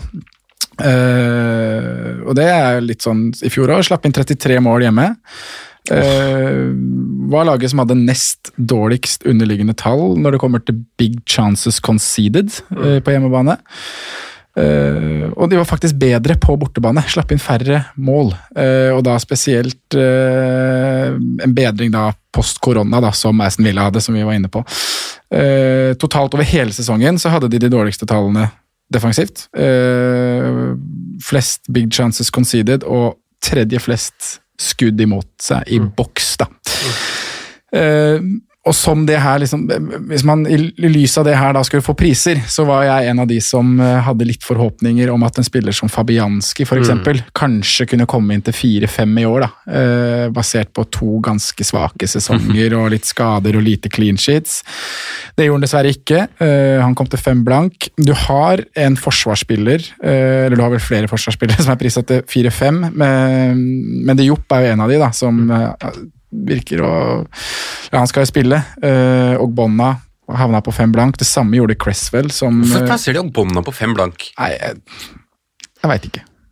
Det er, jeg syns det er rar prising. Uh, spesielt basert på sant, syv clean sheets med Bonna på banen i fjor. Det er en fire-fem-spiller. Ja. Uh, Ja, ja, Cresswell kan jeg forstå, for han er jo en som ja, Han har cornere, han har noe frispark. Uh, selv om han på en måte Han har jo ikke noe målpoeng å vise til ved de to siste sesongene. Ja, men uh, det skal jo nevnes at han hadde en uh, 18-19-sesongen var jo halvveis. Da spilte han bare 15 minutter. I fjor skåret han tre mål, da. Eh, Null er sist. Null er sist. Men eh, hvis man ser på underliggende tall, så er han en av de bekkene i ligaen som slår flest innlegg. Eh, så eh, der, der, der, der kan prisinga forsvares, på en måte. Eh, videre opp midtbanen. Uh, Jarmolenko, Felipe Andersson, Lanzini, Fornals. Det er gutta, det er jo guttakrutt Guttastemning. som eh, Ja, prisene er jo fine hvis det viser seg å bli bra, men alt er bare wait and see. Eh, mange melder, inkludert deg, Franco. Thomas Sucek. eh, kommet nå permanent fra et av disse Praha-laga. Eh, Slavia. Slavia eller Sparta eller Sporta eller hva det er. Slavia, ja. Der melder mange underprising. Eh, fem blank. Eh, tre mål fikk han i innspurten, spilte eh, litt over 1000 minutter. Jeg syns jo egentlig prisen er ganske riktig, jeg, da. Jeg syns eh, 5-5 hadde blitt for høyt. eh, 4-5, det hadde vært veldig fint. Det kan du ikke ha for en spiller som hadde så gode underliggende tall som han hadde avslutningsvis. Han fikk kom til en del avslutninger i boks, spesielt på corneret, så virka det som en som magnet, at han bare sto der ballen landa hver gang. Eh, så leste jeg vel eh, Jeg lurer på om det var din Twitter, tror jeg faktisk, hvor eh, han godeste Westham-supporteren Nå står det helt stille for Tore? meg. Ja, Tore var og kommenterte, eh, og sa at Sucek kan få en ganske offensiv rolle, men det avhenger litt av hvem han skal spille sammen med på midtbanen. Hva som skjer med Declan Rice. Ikke sant? Mm. for hvis det er eh, Noble, Sucek og Snodgrass som skal spille, da er det naturlig at Sucek får en litt mer defensiv rolle, men hvis Declan Rice fortsatt er der, da er kanskje Sucek en som kan få litt frihetshøyder offensivt. Eh, men hvis du skal ha han til fem, så skal han jo spilles hver kamp, for du vil jo ha billigst folk på benken, og da setter du fire-fem-spillerne der. Kan jeg bare komme med en replikk til han? Kjør! nei, nei, fordi eh, altså, Jeg prøvde jo å forsvare det også i den samme Twitter-tråden. Altså, jeg, sy- jeg mener jo ikke at han skal koste syv eller seks-fem. Nei, jeg, nei, jeg syns bare, jeg, fem- jeg synes bare fem, liksom. fem, er bill, altså, fem blank er billig. For altså, altså, Han hadde flere av, altså, avslutninger i boks eh, de siste seks kampene enn hva Aubameyang og Son og mange av de gutta her, og Det høres så sinnssykt stort ut når Ja, du nevner det i den, ja, den, den, den gutta der. Men, men, men han, han kommer til avslutning i boks hvert 45. minutter, for å sette det i perspektiv. Det. Så, så to, to avslutninger i boks. Man kommer til avslutning i boks nesten hver gang Westham har corner. ja, og, da, og da ser man bare på den Han ene er så god i lufta. ja, men, ja, men. Det, det er den ene staten isolert. Jeg vet jo at man ikke skal se på det sånn, Nei. men jeg mener at når en spiller koster fem, så er det god verdi. Ja. Og se på historikken hans i Slavia Praha. da. Han har skåret en million mål. Mm. så, så det er jo noen spillere som bare har, eh, har nese for sånne ting.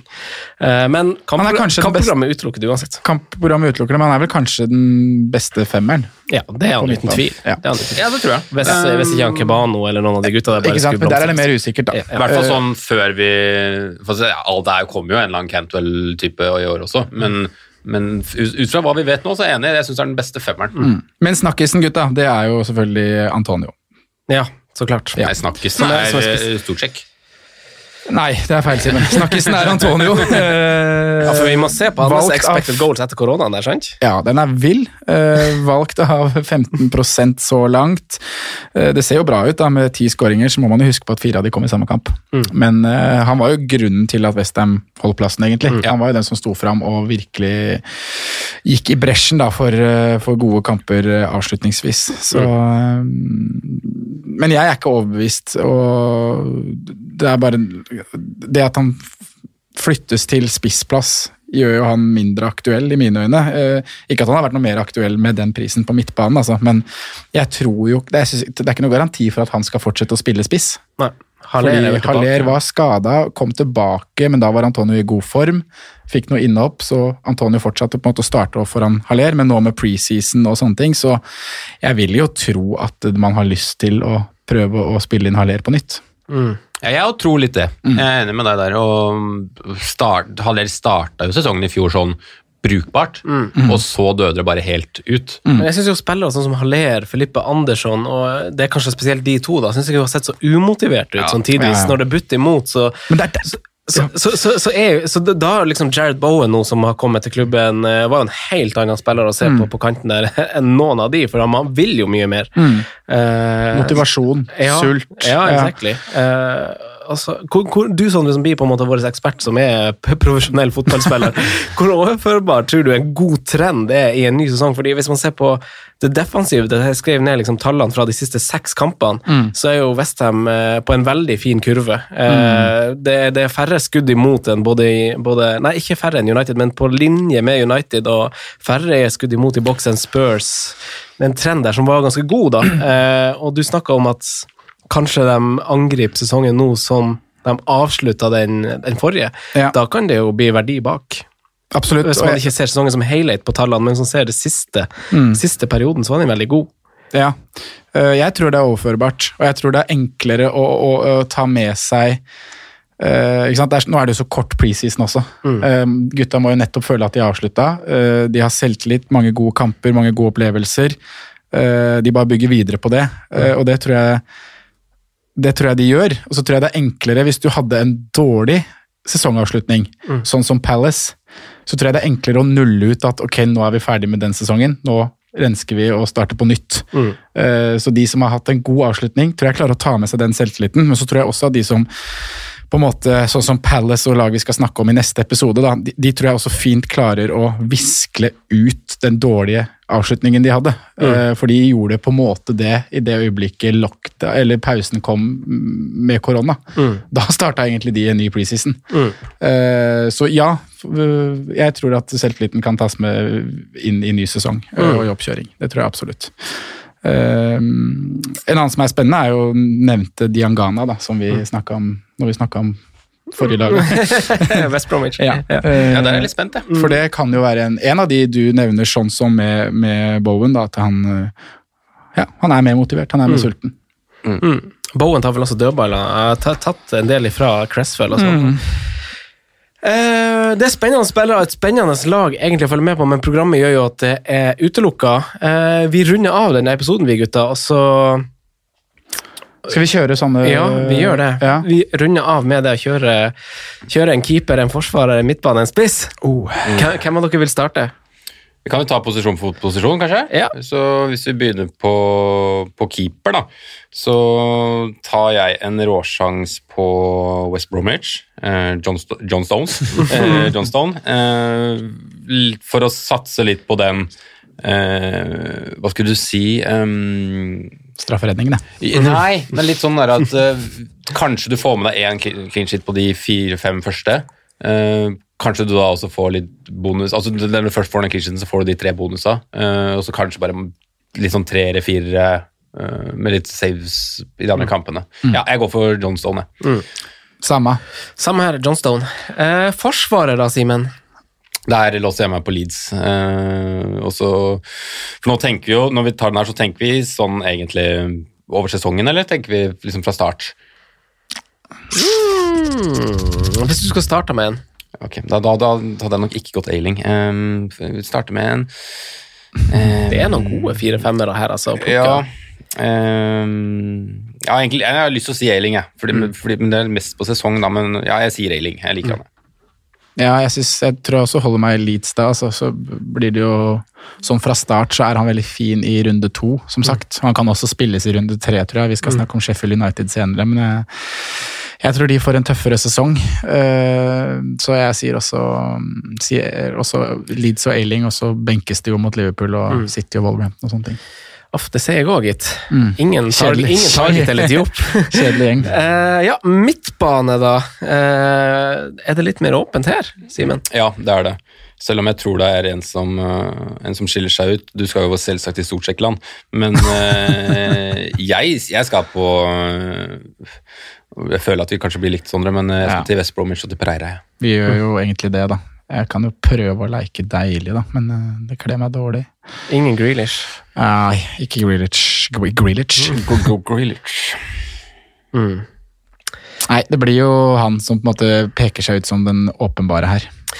Det blir det, gitt. Noen ganger er det jo kanskje greit at vi er likt òg. Men du sier Sortsjek? Nei da, jeg Gjør du ikke? nei, nei, jeg sier Pereira, jeg òg. Jeg har jo litt trua på nye lag i starten av sesongen, så det kan hende det blir et par assist på de to første kampene. her. Jeg skal ikke se bort fra. Det kan hende, det. Og de lagene som de møter, de slipper jo inn litt mål, de. Men spissen, da? Nei, faen, vi er enige her. Helvete. Der er vi så enige, så det Ja. griner. Der er vi jo Mitrovic alle sammen, eller? Ja. Sondre, har du noen andre? Nei, jeg gidder ikke å si Bamford. Nei. Da takker vi for i dag, og så eh, Og så, takker vi for i dag. Og så er episode, så to av Patrion, og så ses vi. Takk for at du kom, gutta. Ja. Ha det. Takk for at jeg fikk komme. Ha det. Ha det godt. Takk for at du hørte på vår podkast. Vi setter stor pris på om du følger oss på Twitter, Instagram og Facebook. Vi er fans i rådet på alle mulige plattformer.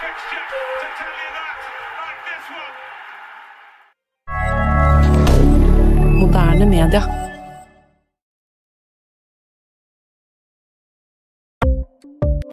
Ukens annonsør er Folio, en smartere banktjeneste for deg som har en egen bedrift eller ønsker å starte for deg selv.